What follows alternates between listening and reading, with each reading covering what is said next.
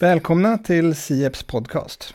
Idag är det den 29 november och ett snötäcke täcker stora delar av Sverige. Och vi ska prata om så kallat nätverkskapital idag. Och i korthet kan man säga att det handlar om vilka medlemsstater i EU som är mest populära att samarbeta med i ministerrådet. Man undrar förstås omedelbart hur populärt Sverige är eh, och eh, kanske också hur man mäter den här populariteten och om populariteten kan översättas till makt. Det ska vi snart fördjupa oss i, eh, men först över till min programledarkollega Karin Flordal. Tack. Och jag vill börja med att välkomna våra två gäster. Marcus Johansson, du är forskare här på SIEPS i statsvetenskap, men också på Göteborgs universitet. Och du är en av författarna till en Europapolitisk analys om just nätverkskapital som vi släpper här i dagarna. Välkommen! Tack! Och vi tänkte också att det vore intressant att se hur nätverkskapitalet avspeglas i det praktiska arbetet i ministerrådet. Så därför har vi också bjudit in Eva Sjögren. Du är chef för EU-samordningen på regeringskansliet. Varmt välkommen! Tack så mycket! Och ni är ju faktiskt, eh, har ju båda varit med i podden tidigare, fast inte samtidigt, så det blir lite premiär för det. Kul! Du, eh, Marcus, Ja, ja precis. Du Marcus, eh, jag beskrev nätverkskapital här som medlemmarnas popularitet. Tycker mm. du att det stämmer? Ja, men på ett vis är det det som vi fångar i de här studierna. Eh, vi har var tredje år sedan 2003 gjort en enkätundersökning där vi har ställt frågor till de olika medlemsstaternas representanter till olika arbetsgrupper och kommittéer i ministerrådet om vilka de oftast samarbetar med. Och utifrån de svaren vi har fått in på den frågan så har vi kunnat sammanställa eh, över tid hur, eh, eller vilka medlemsstater som är mest populära kan man säga på ett sätt då vad gäller eh, samarbete eller som samarbetspartner till andra. Så att i den meningen är det ehm, en, en korrekt beskrivning. Vi tänker på den här frågan som en egentligen beskrivande fråga, alltså som handlar om att kartlägga och att få reda på vad eh, hur de här mönstren ser ut och vilka som interagerar och samarbetar med varandra. Um, men popularitet, lite beroende på vad man lägger i det ordet, skulle mycket väl kunna fånga uh, det som vi fångar. Så att säga. Och då undrar man ju förstås också, som jag var inne på i början här, hur mycket nätverkskapital har Sverige? Um, Sverige faller väl ut i de här undersökningarna och har gjort det sedan vi började de här mätningarna. Uh, vi um, i den här senaste analysen tittar framförallt på de tre senaste undersökningsomgångarna som genomfördes 2015, 2018 och 2021. Um, ehm, men även om man tittar tillbaka ännu längre än så, ända tillbaka till 2003, så har vi sett att Sverige, när vi väger samman um, hur attraktiva de olika medlemsländerna är som samarbetspartner, så har vi sett att Sverige hamnar på en fjärde plats i samtliga mätningar som vi har gjort. Så att Sverige hamnar på det, på det sättet högt i den här rangordningen är en, en partner som många andra medlemsstater uppfattar också som en partner.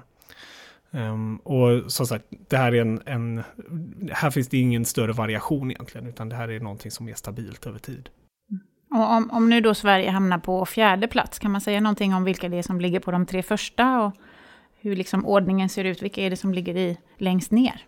Ja men absolut. Ehm, I toppen så har vi sedan mätningarna började också haft en tät trio eh, som har bestått av eh, Frankrike, Tyskland och Storbritannien. Eh, och sen inträffade Brexit och det har vi framförallt kunnat se i de senaste två mätningarna som eh, har genomförts då 2018 och 2021. Att Storbritannien 2018 var fortfarande med i undersökningen men tappade då väldigt mycket i, i placering. Eh, och 2021 är Storbritannien inte med. Uh, och istället så har vi sett en uh, trend för Nederländerna som har um, lite ersatt Storbritannien kan man säga på den här tredjeplatsen. Uh, eller den här topptrion tillsammans med Frankrike och Tyskland. och Nederländernas nätverkskapital har förändrats ganska, på ett ganska tydligt sätt mellan om vi tittar tillbaka till 2015 och fram till 2021.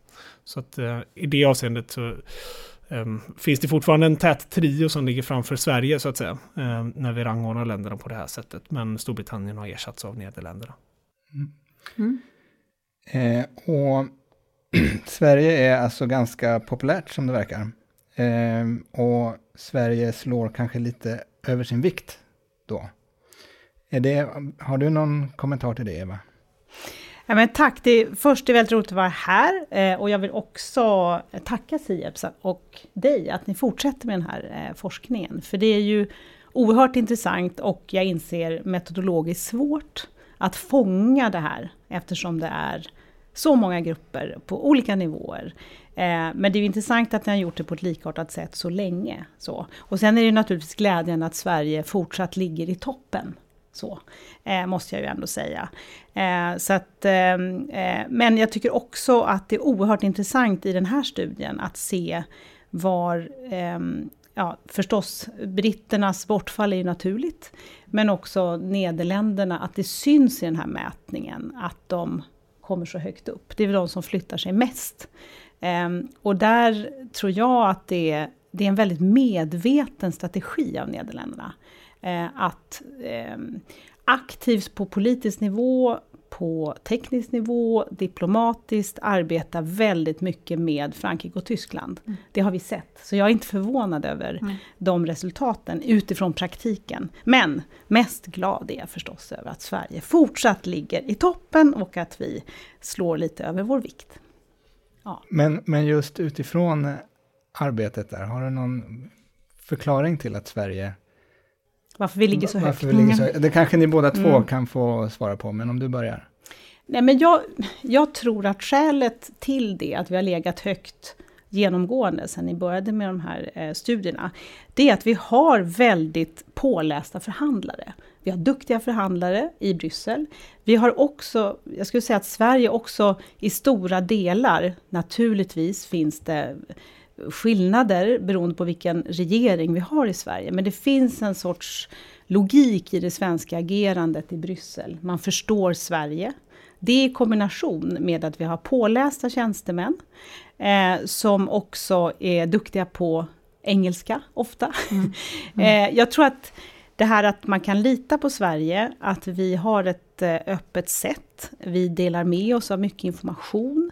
Jag tror att det där är någon nyckel kring varför vi ligger ganska högt i, vad ska man säga, popularitet eh, också på golvet när mm. vi förhandlar. Eh, men det är min egen tolkning av resultaten. Och, och vad ser vi i studien? ja, men jag, eh, jag tycker det är intressant. Det här är en typ av faktor som är ganska svår för oss utifrån att fånga. Att när vi tittar på de här mönstren och vi tittar på det här på en aggregerad nivå eller på en övergripande nivå. Eh, så är den här typen av faktorer väldigt svåra för oss att, att fånga upp. Alltså hur, hur mäter man det? Eller hur ska man kunna komma åt det um, utifrån ett studieperspektiv? Ehm, um, så det där, är en, det där är en utmaning, men det är någonting som jag ofta har stött på. Alltså att det, att det är en delförklaring. Um, samtidigt så när vi tittar på eh, i den här analysen och, och också frågar eh, rakt ut eh, representanterna som vi intervjuar vad det är som gör att man samarbetar. Då är det tydligt att det är gemensamma intressen som hamnar väldigt högt, som är den faktor som, som har betydelse. Um, och det kan ju hända att Sverige ofta har gemensamma intressen med andra. Uh, och att det är därför man också um, är en så att säga, samarbetspartner um, till många.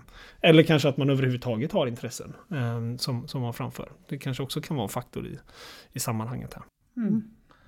Ja, kanske ett tillägg där till det sista du sa, för det tyckte jag var intressant, det här att vi har intressen. Jag brukar ju hela tiden tala om hur viktigt det är att veta vad man vill. Nu har vi varit medlemmar i EU så länge, snart 30 år, och eh, hur vi ska arbeta, det är rätt väl känt. Vi har en duktig förvaltning. Eh, våra ordförandeskap har spett på den här eh, kunskapen och kompetensen. Men vad man vill, det är det absolut viktigaste att identifiera. Och jag tror att det som ibland kan uppfattas som av vissa, herregud, kommer svenskarna igen här och har synpunkter på allt. Det, har, det finns också en styrka i det, mm. att vi har synpunkter på väldigt mycket. Det finns ju länder som eh, tittar lite mer snävt på, vad är det strikt de nationella intressena, men vi har inga problem att ha synpunkter på eh, djuphavsfisket utanför Spanien. Sen kan man ju säga naturligtvis att det är ett nationellt intresse att rädda djuphavsfisket naturligtvis. Men ja, kanske var ett dåligt exempel. Men det finns vissa länder som är snävare i vad de engagerar sig i. Medan vi har traditionellt varit lite bredare i att ge oss in i det mesta. Det kan vara en fördel och ibland en nackdel. Men det, här är det en fördel. Jag tänker på det här med, med de...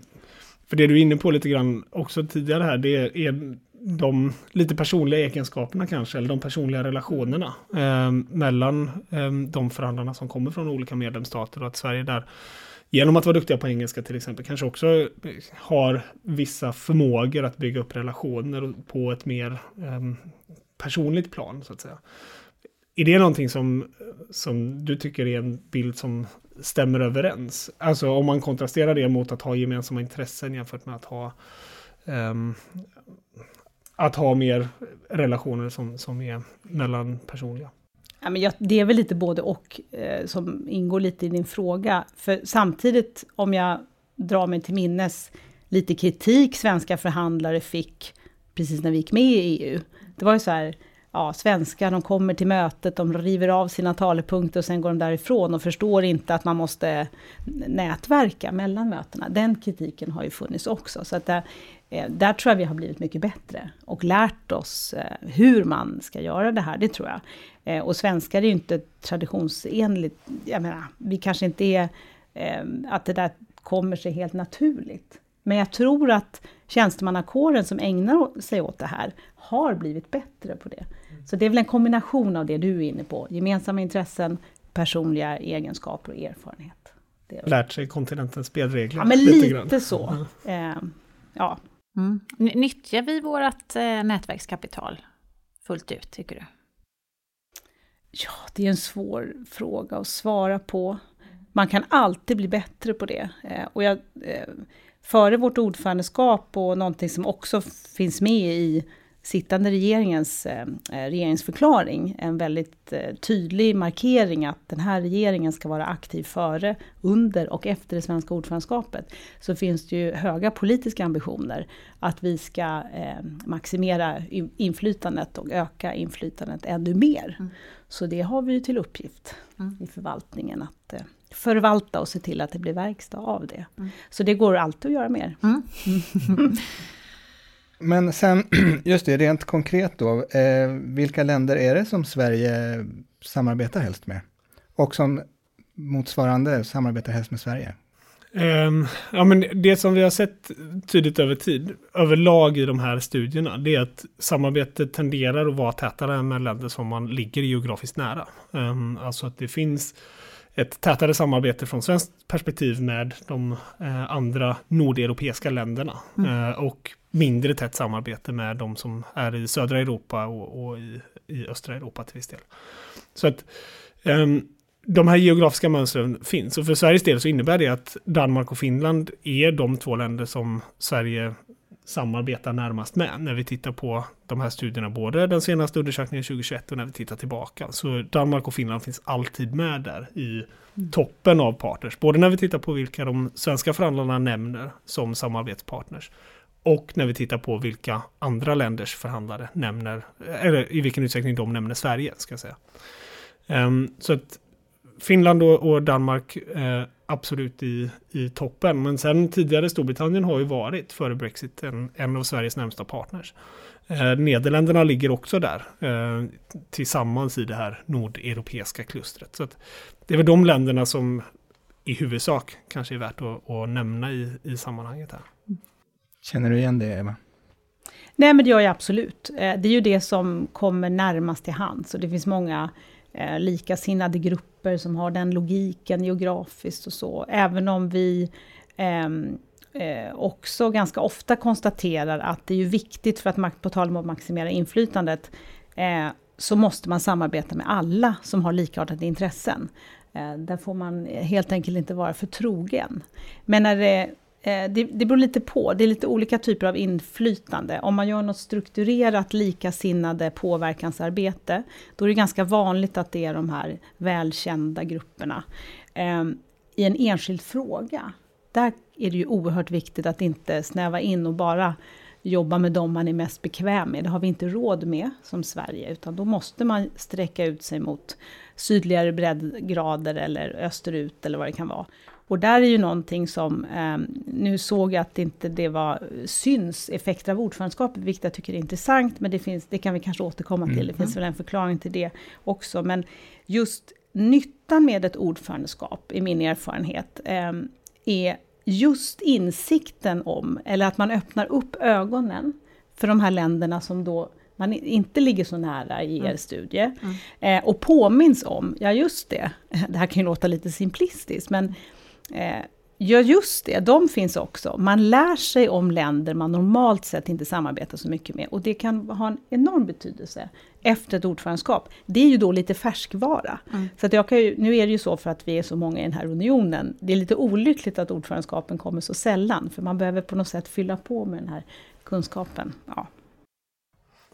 Men jag tänker i bara för, som ett eh, förtydligande, det här när, när vi ser de här geografiska mönstren. Det som vi ställer fråga om det är ju vem man oftast samarbetar det. med. Mm. Det betyder ju inte att man aldrig mm. samarbetar med andra länder, så att säga, även om de då inte syns mm. i, i de här undersökningarna. Nej, så det. Det, det. är en, en viktig distinktion tycker jag vad gäller, vad gäller det. Det kan mycket väl vara så att man ibland samarbetar på grund av att det finns gemensamma intressen. Så det är ingen man ska inte uppfatta det som en uteslutning. Mm. Men... Men för jag var inne på det just att, eller jag funderade just på om, om ni hittar liksom några, för det kanske är ganska väntat att det är liksom gemensamma intressen och våra grannländer. Men om ni hittar liksom några mer oväntade kopplingar. Men det var lite svar på den frågan där. Ja, men det är, det är klart att i enskilda frågor och vid enskilda tidpunkter så kan det alldeles säkert vara så att det finns länder som så att säga, poppar upp som en ny samarbetspartner eller där eh, en samarbetspartner försvinner så att säga, som kanske har varit viktigt tidigare. Men, men vi ber ju egentligen de som svarar att eh, liksom göra en sorts generalisering. Um, och då kan ju också de här anomalierna så att säga försvinna lite i den generaliseringen. Så det är lite svårfångat um, skulle jag säga. Eh, men, men samtidigt då, det finns rörelser, absolut. Det finns saker som händer mellan undersökningsomgångar och sådär. Så, så det, det, det, det händer saker också, även om det är relativt stabila mönster. Och de här mönstren ser ju likadana ut för övriga medlemsstater också. Alltså det mm. finns geografiska kluster av länder som samarbetar. Mm. Ja, Jo, men vi pratade lite grann innan också om det här med eurosamarbetet, att det ibland beskrivs som ett sorts utanförskap, att vi liksom inte riktigt är med gänget när vi inte har euron. Eh, går det att se hur det påverkar det här nätverkskapitalet?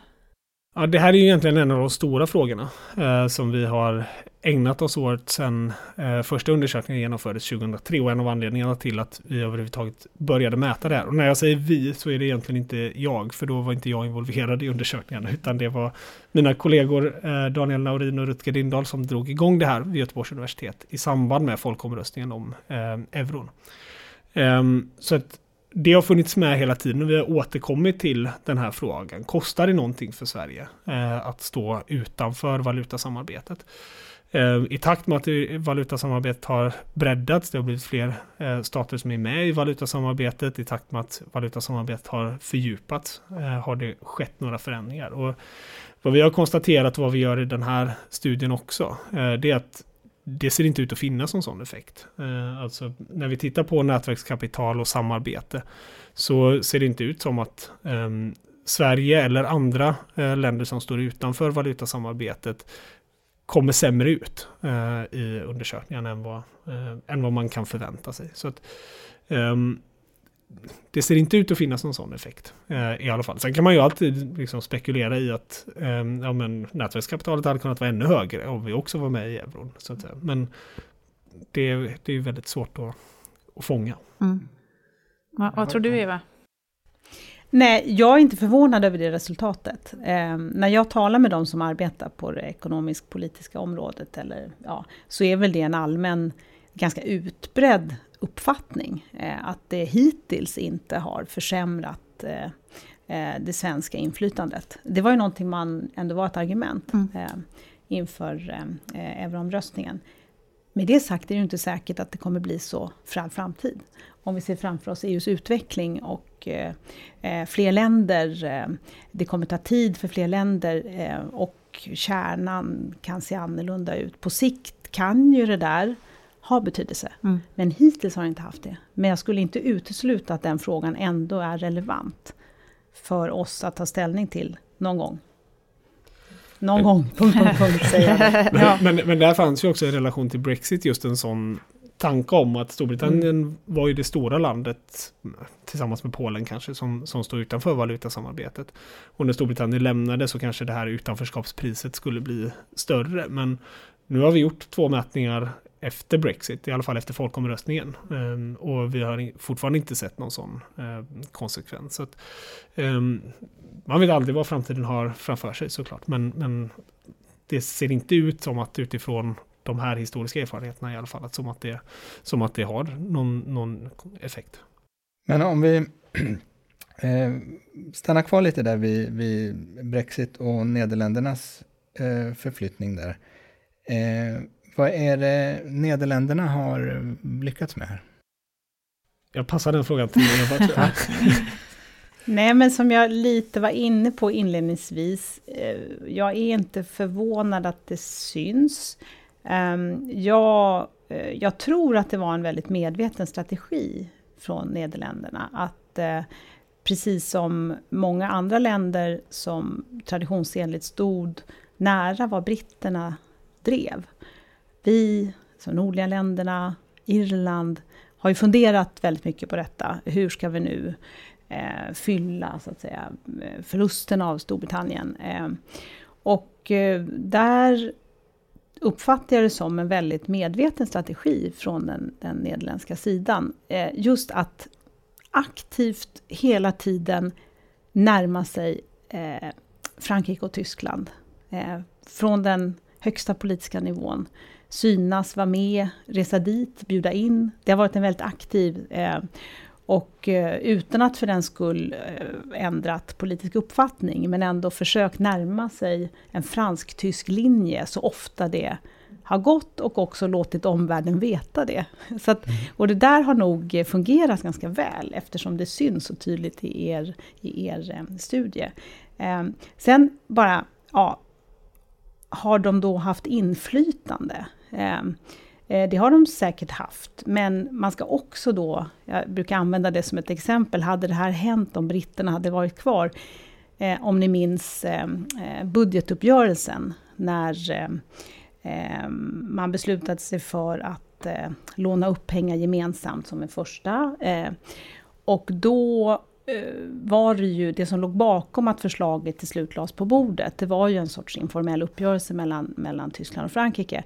Då ska vi komma ihåg att då var ju Nederländerna tillsammans med Sverige ingick i den här så kallade frugala fyran. Eh, så där var de ju så att säga inte mm. med. Eh, där var de, spelade de inte Storbritanniens roll. Så att det är klart att fullt ut kan man inte säga att Nederländerna på något sätt har ersatt Storbritannien. Det är att gå alldeles för långt. Men de har lyckats i att vara aktivt med eh, och försöka vara med och kunna formulera på marginalen vad Tyskland och Frankrike eh, ägnar sig åt. Så att säga. Så, att det, så att där, det måste man ändå ha hatten av för det. Men ja.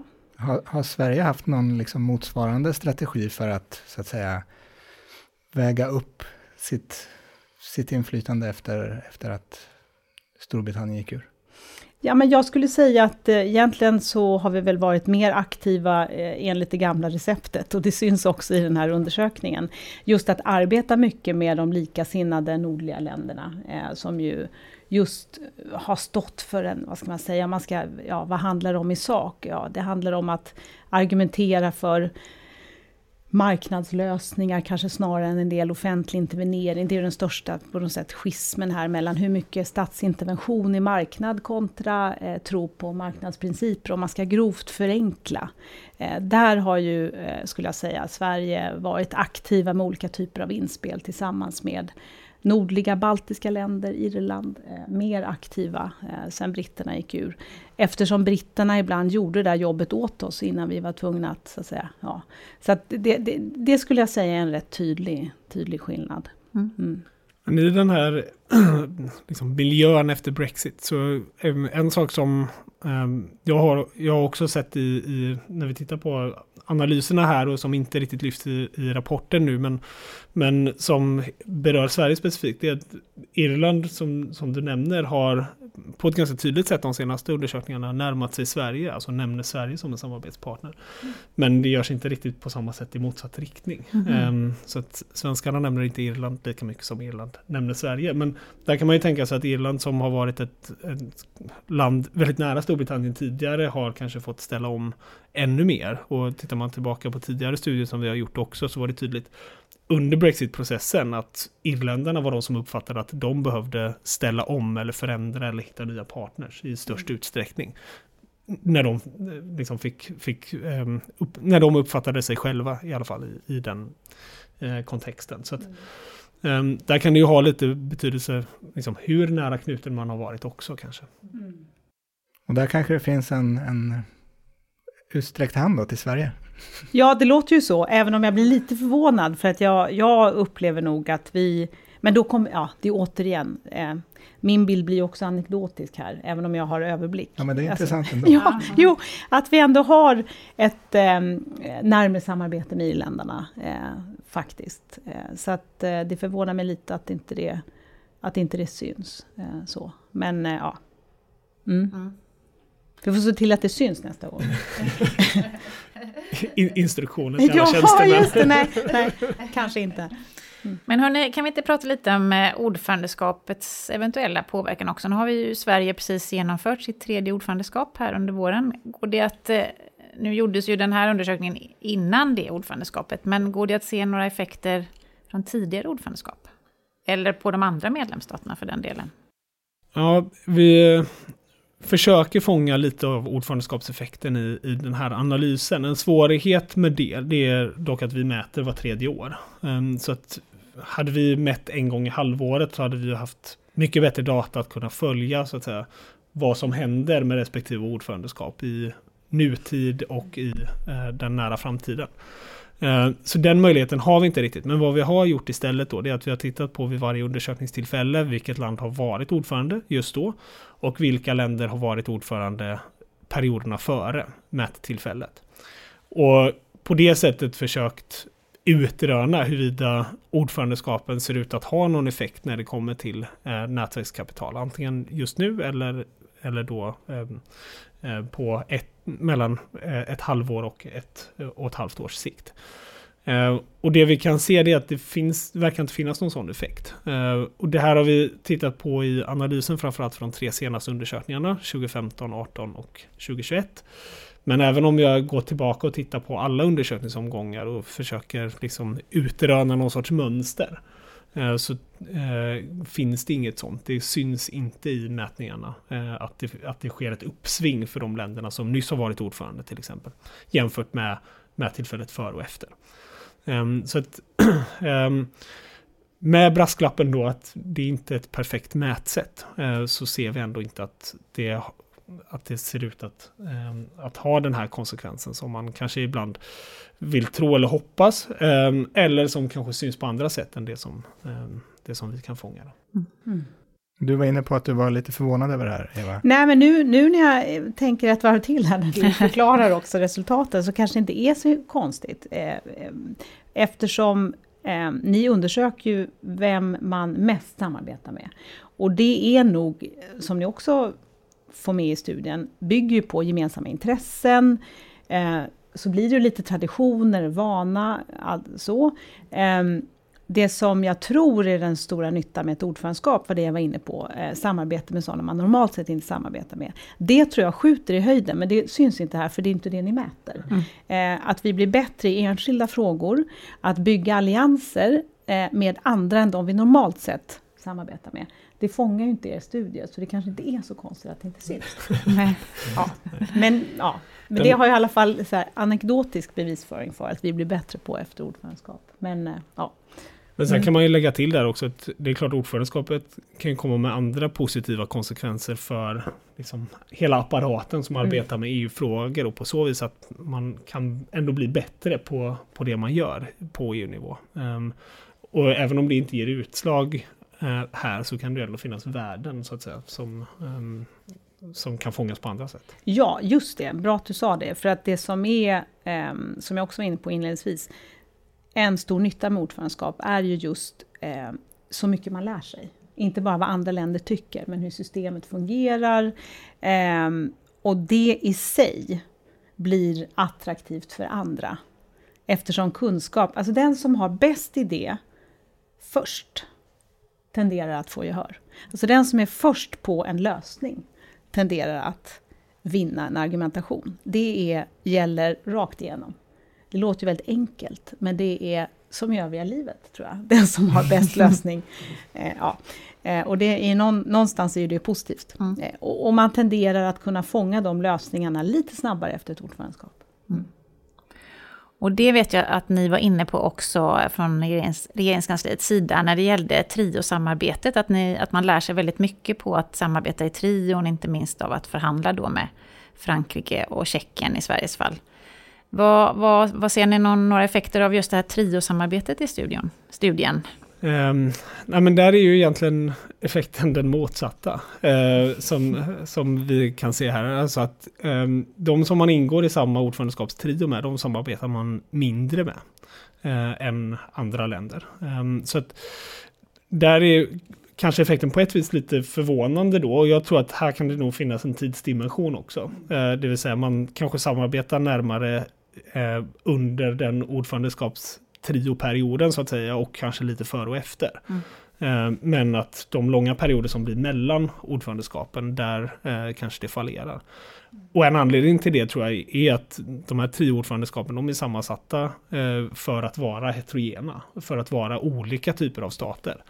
Och det kanske inte egentligen är den mest naturliga grunden för att just samarbeta med varandra eller hitta gemensamma intressen. Men det är liksom inte heller nödvändigtvis poängen då. Um, så det är väl min reflektion i relation till det. Um, men som sagt, med den, um, med den brasklappen då att det kan finnas tidsvariationer här som, som vi inte har tittat på specifikt uh, i, i, rapporten, i rapporten här.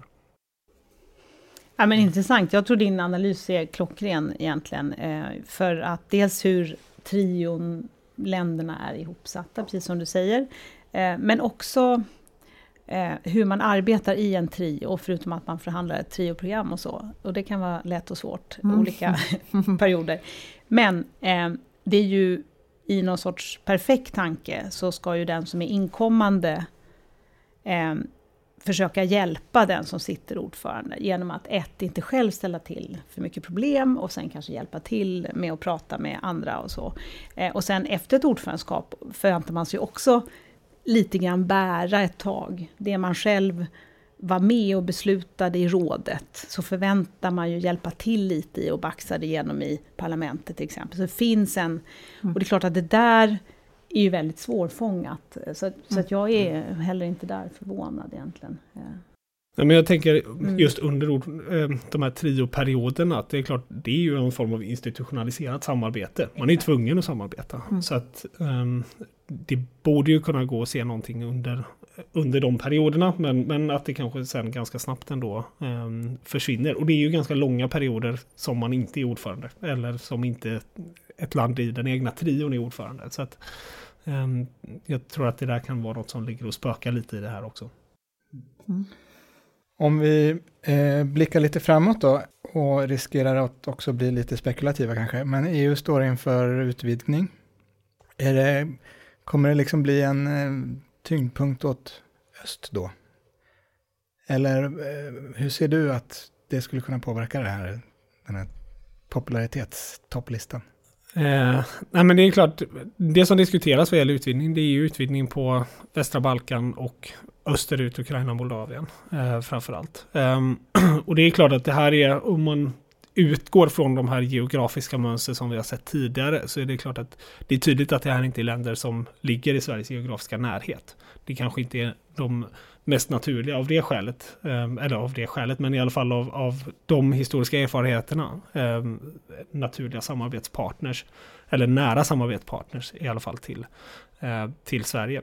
Så att ehm, i det avseendet, sen exakt hur konsekvenserna kommer se ut, ja det får vi väl återkomma till när det väl händer så att säga. Men, men det skulle väl vara utifrån våra historiska erfarenheter i alla fall. Ehm, den, eh, den gissning som, som man kan våga sig på. Och tittar man på till exempel de länderna som eh, Sverige då inte samarbetar med. Ehm, som, som det har varit i studierna hittills.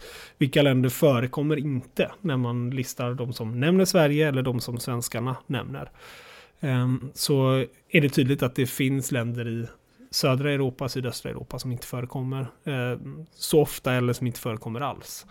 Alltså länder som Grekland, eh, Cypern till exempel förekommer inte så ofta. Bulgarien, Rumänien, eh, Kroatien. Eh, alltså länder som ligger i den här regionen som, eh, som nu utvidgningen står, eh, eh, står för. Så att, det skulle väl vara min, min, min spåkula i så fall. Men, det kanske finns andra perspektiv. Mm.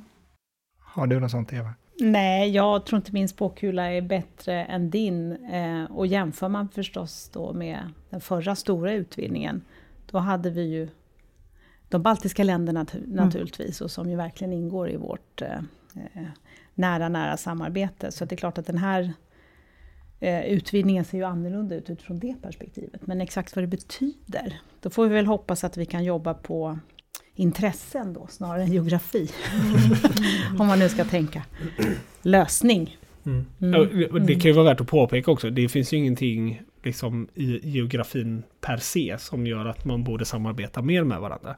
Um, sen kanske geografi ibland sammanfaller med gemensamma intressen. Mm. Um, och det är det som gör att um, samarbetena blir närmare uh, utifrån de här geografiska mönstren. Men men, um, men som sagt, det är ingenting i geografi i sig själv som, som är någon sorts förklaring här. Mm. Ska vi avrunda med vår sista fråga?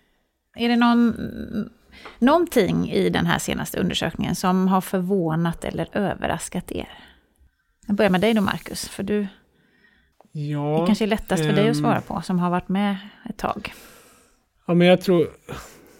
Förvåna är kanske att ta i, men jag är ändå lite... Um, jag, jag, tror att den här positionen för Nederländerna framförallt tycker jag är den som tydligast sticker ut i den här senaste undersökningen. Mm. Vi såg en tendens till det redan undersökningen 2018, men just att Nederländerna hamnar så pass högt 2021, det tycker jag ändå är lite förvånande. Jag hade nog räknat med att Nederländerna skulle ligga kvar på den här tredje platsen ungefär, men när vi tittar på eh, inte bara rangordningen utan också storleken på nätverkskapitalet. Mm. Så hamnar eh, Frankrike och Tyskland i, i topp och sen så ligger Nederländerna med och sen är det ett, ett hopp ner till Sverige på fjärde platsen. Så att det är en mer distinkt grupp i toppen. Um, och det kanske är lite förvånande. Um, uh, skulle jag säga att, mm. att de placerar sig så, så pass nära ändå um, Tyskland och Frankrike i undersökningen. Mm. Om jag ska lyfta fram någonting. Mm. Har du något att tillägga Eva?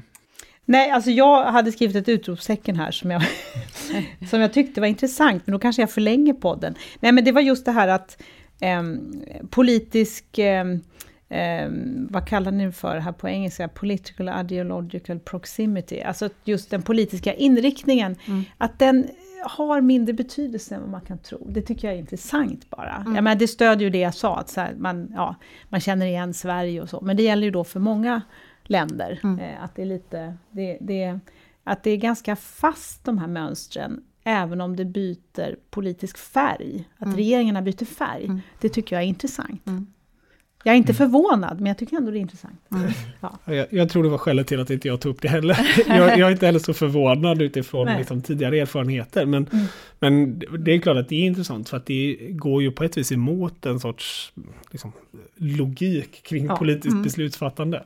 Um, så att av det skälet kanske det är lite, um, lite intressant. Sen kan man då säga att um, de senaste undersökningarna så har det ändå blivit viktigare vad det verkar. Alltså mm. hur nära eh, medlemsstaternas regeringar står varandra ideologiskt. Och framförallt på två dimensioner, inte så mycket på höger vänster dimensionen utan snarare den här kompletterande dimensionen som man ibland pratar om som galtan. Mm. Alltså um, de, på engelska Green uh, Alternative Libertarian jämfört med um, Traditional Authoritarian Nationalist. Mm. Um, alltså en sorts konservativ mot mer liberal värdedimension. Mm. Den ser ut att ha blivit mer viktig eh, eller har större förklaringskraft för eh, enskilda parrelationer mellan medlemsstater. Eh, de senaste undersökningarna och detsamma vilken inställning man har till europeisk integration generellt sett. Um, verkar också ha fått större betydelse. Um, inte jättestarka effekter, men likväl effekter som inte går att bortse ifrån. Um, och höger-vänster-skalan har mindre betydelse. Så att det är väl en, en sak till att lyfta in i relation till det här som, som Eva sa då. Mm. Uh, att det kan vara någonting som rör på sig lite vad gäller det. Mm. Um, men vi får väl kanske skäl återkomma. Precis, det är en sån grej som vi brukar säga att vi inte ska säga. Att, att vi har skäl att återkomma till, men det har vi ju faktiskt ganska ofta i frågor vi tar upp i podden. Det och vi. det kommer nya undersökningar, gissar jag. Låt oss hoppas. Låt oss hoppas. Och vill man fördjupa sig i resultaten så finns ju, släpper vi den här publikationen nu i dagarna. Och du får säga... I morse faktiskt. I morse släppte vi det, så den eh, kan man ladda ner och fördjupa sig i helt enkelt. Ska vi säga någonting om vad den heter? Den har en ganska lång titel, Marcus. Cooperation in the Council of the EU. Tack. Explaining networks among, among member states, va? Network relations among member states till och med. Precis, till och med det. Man surfar helt enkelt in på www.sieps.se så hittar man den där. Tack för idag. Tack för idag. Marcus och Eva. Tack. Stort tack.